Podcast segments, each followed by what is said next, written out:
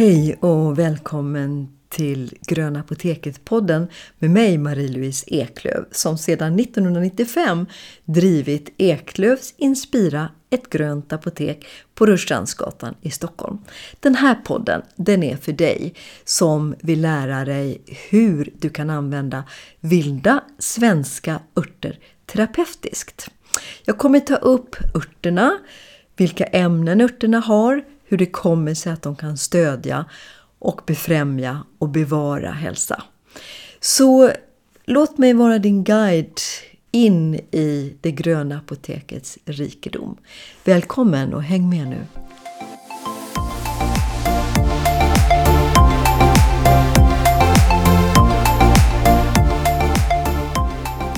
Hej och välkommen till det här avsnittet i Gröna Apoteket-podden.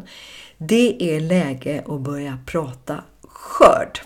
Så skörd av svenska, vilda, terapeutiska örter. Framför allt kommer jag ju berätta om. Och det här med skörd, det bygger ju också på kunskap såklart. Och i avsnittet Grundbulten, där eh, delar jag med mig av en del tankar som jag tycker man ska ha med sig när man ska jobba med ett grönt apotek. Men det här avsnittet det blir ganska konkret. Hur och vad och bästa tipsen på hur du skördar. Och sen kommer vi också in på, efter skörd såklart, hur ska jag förvara mina örter? Men om vi börjar nu att det är dags att skörda. Och när är det? Ja, det kan ingen säga. Det bestämmer den så kallade väderleken. Och det hör man ju på ordet väderlek. Vi får leka med bäst det går, ha ögonen öppna och det är väldigt kul när man jobbar med Gröna Apoteket och ska ut och skörda. Att det går inte att planera det exakt efter kalendern utan man måste följa med här och nu i naturen. Och det gör också en dimension på något sätt på vardagen. Att man på väg till jobbet kanske spanar in Oj, knopparna har riktigt börjat svälla. Eller titta där första tussilagon. Eller vad det nu handlar om. När det då är dags och jag vet att jag har skördat mina första nässlor en gång i februari.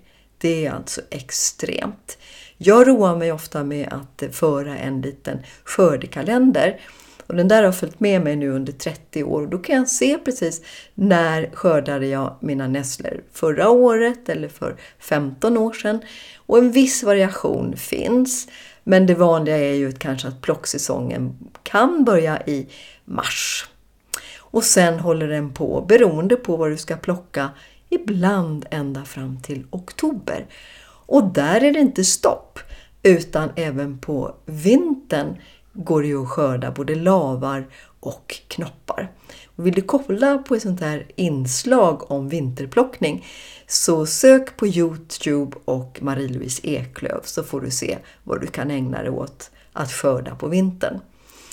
Men vi börjar när det vanligtvis är tid för skörd. På våren kan vi säga. Eh, och då är det vissa saker man ska tänka på för att resultatet ska bli bra. Nummer ett. Det är så viktigt att du innan går in för att börja skörda hem det du behöver, sätter dig ner i lugn och ro efter att ha lyssnat på ett poddavsnitt på Gröna Apoteket eller läst i Gröna Apoteket-boken som jag har skrivit eller på något annat sätt varit på kurs på Inspira Gröna Apoteket eller lärt dig på något annat sätt vilka örter du behöver i ditt hemma gröna apotek. Så alltså, då sätter du dig och så gör du en lista. Vad behöver jag för att stödja och befrämja min hälsa? Vad behöver min familj, goda vänner, min hund, min häst, min hamster? För självklart kan du jobba med örterna till dina kära husdjur, men det är ett annat kapitel. Så när du har satt dig med den där listan och skrivit då exempelvis Låt säga att du har urinvägsinfektioner återkommande. Då ska du ta reda på vad är det för örter jag behöver skörda hem för att göra te eller tinkturer som är bra för att försöka förhindra, stoppa eller lindra den här urinvägsinfektionen. Och så kanske du har ett problem med att säga att du har gaser i magen ibland. Då tar du reda på vilka örter kan stödja min matsmältning så att inte den här gasproblemen uppstår. Låt säga att du någon gång eh, har lite huvudvärk. Då funderar du på och tar reda på då vilka örter kan underlätta för mig när jag har huvudvärk och kanske bli ett sätt att också inte få den här huvudvärken. Så hoppas du förstår hur jag tänker. Alltså gör en lista på åkommor du och de i din närhet har. Och så sök då kunskap, vilka örter behöver jag? Och den här listan, den tycker jag också är väldigt viktig. Därför låt säga att du har väldigt ofta urinvägsproblem. Då behöver du skörda in mycket av de örterna som kan hjälpa dig med det problemet. Och låt säga att du bara någon gång, ibland, har gaser. Då ska du ju inte plocka så mycket. Och det här har blivit för mig väldigt viktigt att förmedla under föreläsningar och till eleverna på Eklövs örtutbildning. Att man ska se över hur mycket man behöver så att man inte rovplockar. Jag har blivit mer och mer ödmjuk inför den möjlighet som det gröna apoteket ger oss. Och det är ju så att en ört är bara potent i ett år. Det vill säga att de aktiva ämnena inte är starka nog att göra terapeutisk verkan efter ett år. Så tänk på hur mycket behöver jag plocka? Vad behöver jag plocka? Och när du med sunt förnuft då har tittat igenom din lista så gäller det ju att hitta då en dag som passar dig för att gå ut och plocka. Och kan du välja på dagar så ska det inte regna. Och kan du välja på tid på dagen så finns det en gammal, gammal skörderegel som säger att bästa skörden är efter dag och före tolv. Det är väl vackert? Och jag förstår den att det är efter dag, för när det är tidigt på morgonen och växterna är våta så kan det bli svårt att få dem riktigt torra. De kan ruttna. Och det här med före 12, det gäller framförallt mitt på sommaren. För det är så i naturen att växterna kan vara lite rädda för frost. Och det gör att cirkulationen i växten och därmed de aktiva ämnena som finns i växtsaften kan vara mer eller mindre tillgängliga skulle jag kunna säga. Är det riktigt kallt så är det ju väldigt mycket rotaktivitet och är det en varmare dag så är det mer upp i bladverken. Men gör inte det här för svårt utan se till framförallt gå ut och skörda det du behöver. Men kan du bestämma så är förmiddagarna oftast väldigt behagliga. Så kommer vi till då, hur gör man nu? Vad ska man ha med sig? Jag i min ryggsäck har de här grejerna. Jag har en örtbok. Jag har en flora. En kniv, en sax. Påsar att lägga örterna i, i olika storlekar och de ska vara papper. Ska du skörda örter till mat, som vi kommer att prata om i ett utav avsnitten, så använder du plastpåsar. Men ska du skörda för att torka för terapeutiskt bruk, till teer och tinkturer och så, då är det papperspåsar, det kan vara tygpåsar, det kan vara korgar som du skördar i. Innan du sticker ut på den här skördeturen så är det ytterligare en grej som jag vill stryka under och som är viktig för att du ska få bästa resultat. Och det är att du faktiskt har redan innan skörd funderat på hur du ska torka dina örter. Så du inte kommer hem med korgarna fulla, strålande örter Och så kommer du på, men gud, jag måste rigga för att torka. Jag måste eh, bygga en torkolla, jag måste sätta upp krokar, jag måste spänna liner eller vad det nu handlar om. Och lite längre fram i det här avsnittet så ska jag ge dig tips på hur du ska torka. Men det här bör du ha funderat på innan du sticker ut på skörd. För att när du har skördat örten, när du har klippt av den eller skurit av den, då börjar decimeringen av de aktiva ämnena. Och Det som gör att de aktiva ämnena decimeras, det är syret som kommer åt, framförallt då, och ljuset. Så, så snabbt från skörd till torkning, då kan du få den perfekta produkten så småningom.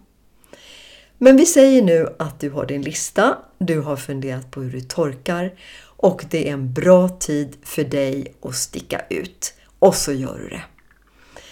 Då är det ju du hittar din plockplats och själv har jag i min lilla plockkalender sidor där det står bra plockplatser. Så att inte jag varje år behöver irra runt och leta efter nässlor och plister och molla och lomme och gullris och allt möjligt som jag behöver. Utan där står till exempel nässlor borta vid golfbanans lada eller så. Du beskriver själv dina plockplatser. Och har du inga plockplatser så är det ju bara att börja leta. Och då ska du få lite råd här vad du ska tänka på när du letar plockplatser. Det optimala är att du plockar minst 200 meter från väg. Du ska inte plocka i närheten av åkrar där man kan tänka att man har sprutat. Inte heller i närheten av räls, järnvägsräls, pendeltågsräls eller någonting där du tror att här kan man ha sprutat för att hålla undan sly. Hyggen. Förut så sa man alltid att man skulle undvika att plocka på och runt omkring hyggen för de var så hårt besprutade. Det där varierar lite grann. Det har blivit mindre med hårda besprutningsmedel på hyggen. Jag vågar inte riktigt svara på hur det är. Det där kan du ta reda på om du har hyggesmarker som du är intresserad av att plocka på. Det växer ofta väldigt mycket på ett hygge så att det kan vara intressant för dig om du har sådana områden runt omkring dig att du kollar av. Är det sprutat och i så fall med vad och skulle jag kunna plocka? Så har du en större väg eh, bredvid dig, då är det 200 meter därifrån. Är det en mindre väg, en liten på ditt landställe, en bil där det kommer ja, bilar som sagt var några gånger per dag, då kan du krypa närmare vägen.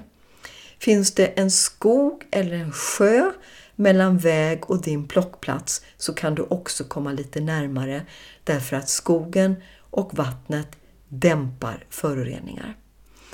Sen vet jag att många elever och deltagare på kurser blir otroligt miljömedvetna, speciellt när de ska plocka sina egna örter. Och frågar mig då, ja men hur är det med alla avgaser och föroreningar? Vågar jag plocka örter? Och följer man de här råden som jag har sagt om avståndet till väg och lämpliga respektive olämpliga plockplatser så ska du absolut skörda dina egna örter. För Det som kan vara intressant att veta det är att en ört är långt ner på den så kallade näringskedjan. Det innebär att en ört har ett kort litet växtliv jämförelsevis med en gris eller ett ko eller en äpple eller ett päron eller frukt överhuvudtaget. Så att i en ört så hinner det inte ansamlas så mycket miljögifter. Nu vill inte jag på något sätt negligera det problemet men jag vill göra dig trygg att du ska lugnt kunna skörda på bra plockplatser och vara stolt och nöjd över att mer lokalproducerat än det du plockar själv hemikring ja det finns inte. Så med de orden sagda så säger vi nu att du har hittat din ploggplats och du lägger dig på knä framför exempelvis nässlorna. Och är det nässlor du ska plocka så är det fint i din lilla ryggsäck eller väska som du har med dig att du har handskar också. Så jag brukar alltid ha handskar. Sen i min lilla ryggsäck så finns det alltid en vattenflaska och fika såklart och en sittdyna. Men nu ligger du där framför nässlorna och tar på dig handskarna. Och då är det frågan om vad man vill med nässlorna. Om de ska vara späda, du ska ha dem till soppa.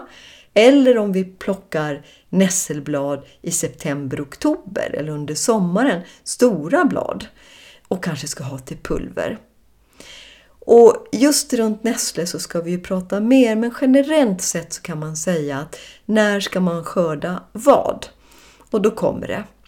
Att blad, oavsett vilken ört det är, ska helst för att få optimala aktiva ämnen så ska du skörda bladen innan växten har börjat blomma.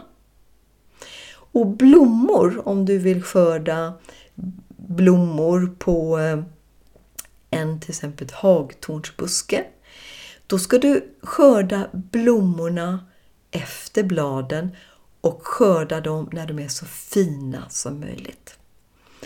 Och ska du skörda bär, då skördar du dem såklart när de är på sin topp, ser friska och vackra ut. Och är du intresserad av att skörda rötter, då gör man det som man säger när de överjordiska delarna har falnat. Det vill säga när inte det finns något blad eller någon växtstängel utan när växten har gått till vila. Vi kan ta maskros. Tidigt på våren då så kan du ha skrivit upp i din örtbok att maskrosor borta vid frisbeebanan att skörda. Och då kanske tidigt på våren så kanske det kommit upp små blad eller så vet du precis att här är det maskrosor. Då kan du gräva upp maskrosrötterna för då har du fullt med aktiva ämnen där. Det är ännu lättare på hösten när du vet precis att här är det massor med maskros och du kanske ser att bladen börjar bli lite gula, lite tråkiga. Då sätter du spaden i jorden och så plockar du upp rötter. Men, min vän, lyssna här. Det här med rötter, det är ingen lätt historia. Många gånger får du samma effekt av de överjordiska delarna. För ska du skörda rot så gäller det för det första att gräva upp ordentligt och rötterna på maskros till exempel är inte så himla tjocka utan de är ganska tunna. Och det går åt mycket till ett te. Då ska det först grävas upp, sen ska du ta hem roten och så måste du lägga den i handfatet och låta all jord först lösas upp.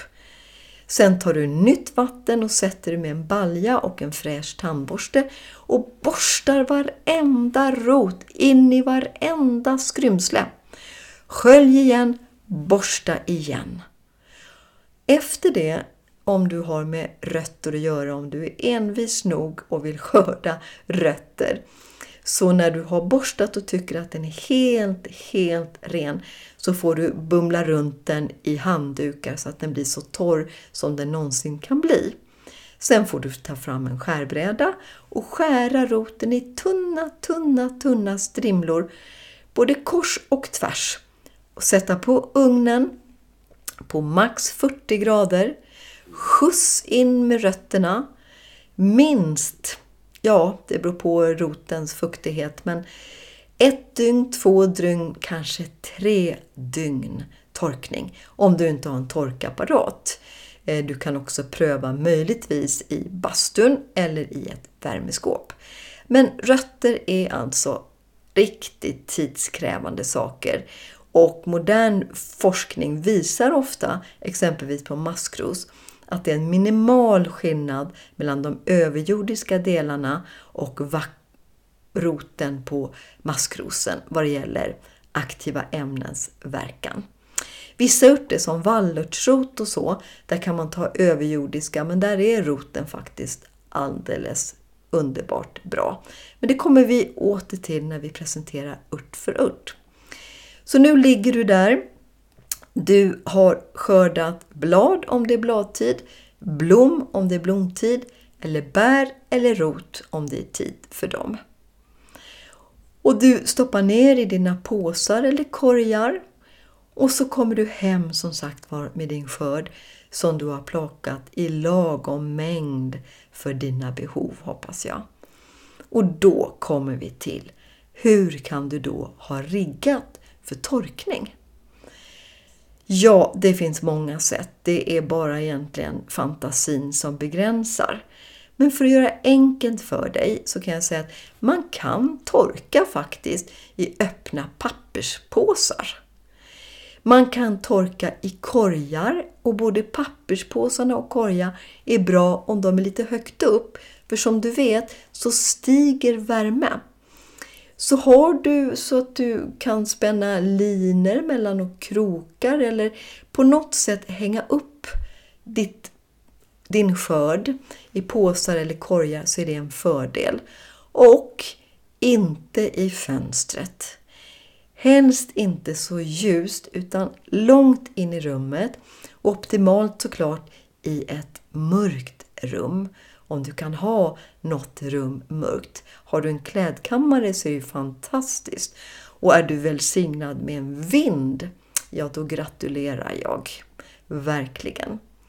Tänker du pannrum så säger jag glöm det. För hur luktar det i ett pannrum?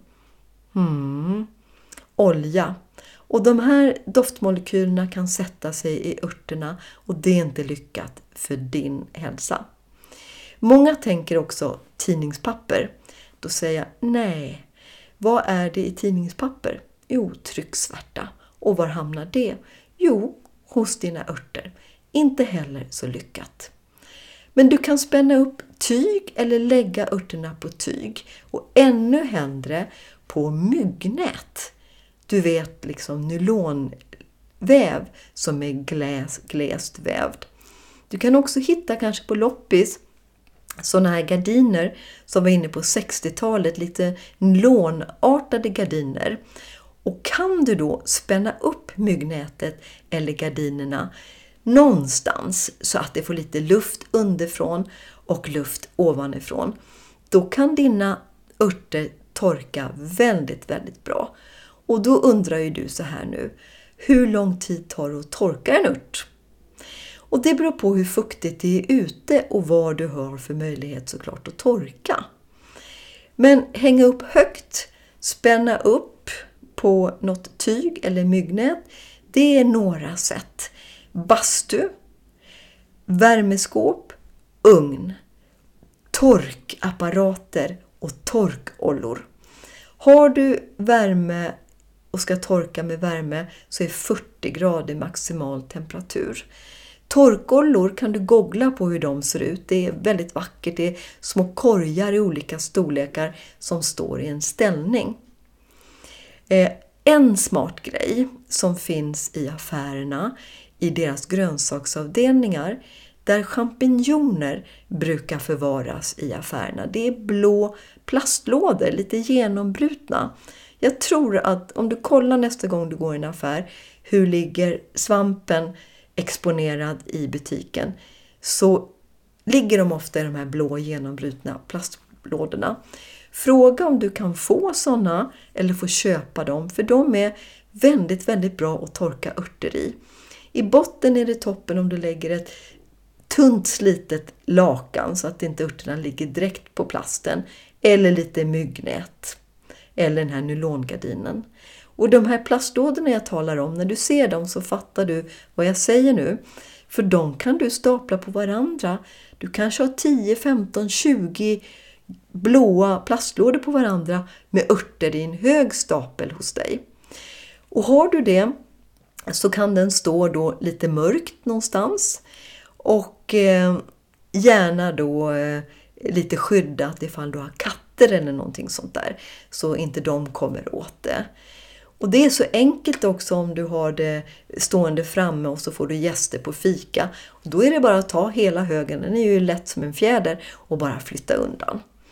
Så det är framförallt din fantasi som begränsar hur du skulle kunna torka örterna om du bara har kunskapen om att inte torka ljust, inte på tidningspapper, inte i pannrum och inte i rum som överhuvudtaget luktar starkt eller där det finns djur som kan vara intresserade. Så eh, skörd kan du nu en hel del om. Ut och gör det. Torkning, börja fundera redan nu. Hur och vad, på vilket sätt kan jag torka mina örter? Och så hoppas jag, och jag vet att det här som du skördar själv, det gör extra gott när du en dag har tagit fram det här ur en burk och börjar använda det. Och då kommer jag in på det här med burk och förvaring. Så efter skörd, efter torkning, så måste du ju då ha någonstans, någon bra plats att lägga dina örter på och i vad ska de ligga? Här kommer några tips. Plåtburkar, gamla kakburkar. Alltså, de är jättebra. Se till att de är väldiskade och inga hål i, för det får inte komma in syre och eh, ljus, för då bryts de aktiva ämnena som sagt ner för fort. Men burkar i plåt eller glasburkar. I många örtböcker som inte är så uppdaterade så står det att lägg dina örter i bruna glasburkar. Det är inte så lätt att få tag i bruna glasburkar. Det har ju blivit på mode sedan några år tillbaka så att i vissa sådana här stylebutiker, heminredningsbutiker så finns det faktiskt bruna glasburkar att köpa. Men annars, om du är lite pysslig och tycker sånt här är kul, så kan du ju ta vanliga syltburkar, konserveringsburkar med genomskinligt glas. Och runt omkring dem kan du ta och snurra runt lite brunt papper eller folie. Eller gör det väldigt enkelt, ha dem i mörkt skafferi. Men för den som är riktigt pysslig, då säger jag så här. Köp glasfärg. Och då ska den vara brun. Och är det då burkar du hittar eller färg du hittar som är blå eller grön så är inte de lika bra som brun färg. För brun färg bryter ljusets strålar mest. Därefter kommer grön färg och sen kommer blå färg. Så har du att välja på att hitta bruna burkar, blå eller gröna burkar, så välj de bruna även om du tycker att de blå är snyggare. För de bruna kommer hålla dina örter pigga och potenta hela året. Självklart måste det vara lock på alla burkar annars så kommer ju syre åt och då bryts aktiva ämnen ner. Du kan också använda dig till förvaring av bruna papppåsar vanliga bruna pappåsar som du förvarar mörkt eller kartonger. Och lägg gärna något eh, fräscht bomullstyg, rentvättat och torrt i papperskartongen bara för att gosa lite grann med örterna. Och ha gärna de här kartongerna om det går lite mörkt. Juteväv, säckväv är också en alternativ. Om du har tillgång till det och tycker det är roligt att sy såna här säckar för örterna. Jag har gjort det och så har jag broderat då nässla, björk, åkerfräken. Ja, att vara pysslig det kan vara en fördel när man har med örter att göra, men absolut ingen måste. Det går lika bra med en vanlig papperskasse. Viktigaste är, lyssna nu alla som är med här, att du går ut och skördar, har gjort en lista, funderat på vad du ska plocka, har riggat för torkning och sen då har kärl, burkar, kartonger, påsar som du kan förvara dina örter i. Och nu kommer någonting väldigt viktigt. Skriv på förvaringspåsen eller burken eller lådan vad det är för en ört och när du har plockat den. För man tror, lita på mig, man tror att man kommer ihåg att det här är ju nässla eller det här är björk. Men så är inte alltid fallet. Jag som har hållit på så länge kan öppna och sniffa mig till vad det är för en ört. Men varför gör det svårt? Märk med fina trevliga etiketter. Nässla, Lovön, våren 2019 exempelvis, så slipper du att tveka. Och så vet du alltid att är det sen våren 2020, ja då är det dags att lämna tillbaks dina torkade örter till naturen eller till dina blomväxter så då blir de glada. Jag hoppas nu att du har fått inspiration som bygger på kunskap hur du ska göra och motivation då att ta tag i korg och påsar, kniv och sax och fika och stick ut och skörda till ditt gröna apotek. Lycka till!